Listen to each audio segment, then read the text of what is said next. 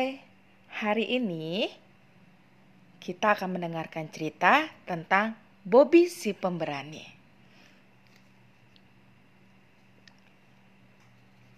Pada suatu sore, Bobby dan Ricky bermain kelereng di halaman rumah Ricky.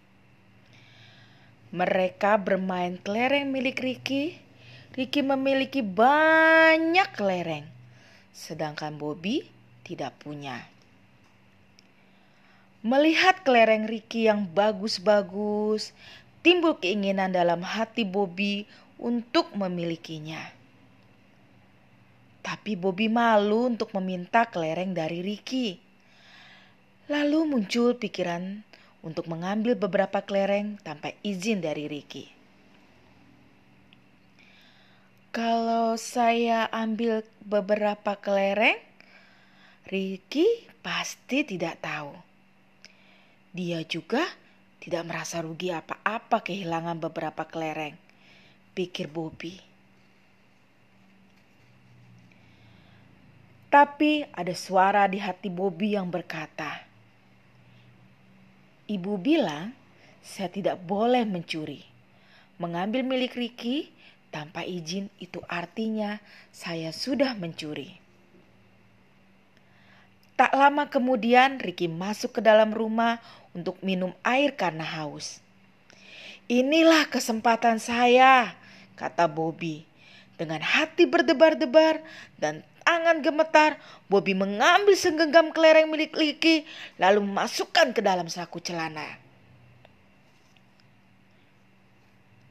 Ayo Bobby, kita bermain lagi, kata Ricky setelah minum.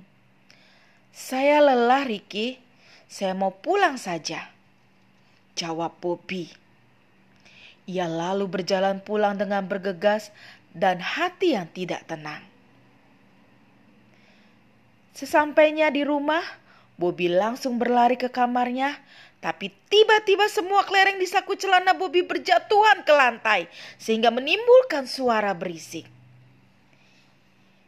Ibu Bobby yang sedang membaca buku langsung bertanya kepada Bobby, dari mana kelereng itu kamu dapat, Bobby? Di, di, di, diberi Ricky, Bu. Bobby menjawab dengan suara gugup. Melihat sikap Bobby yang gugup, ibu bertanya kembali.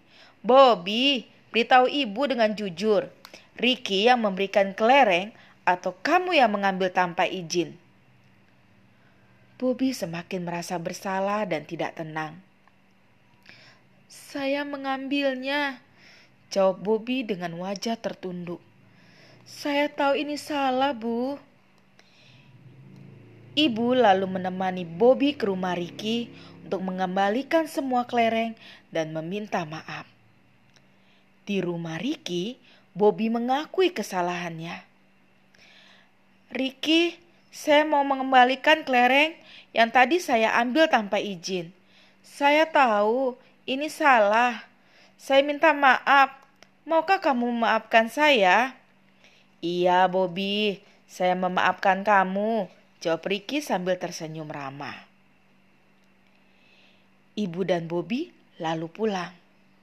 Setibanya di rumah, ibu bertanya.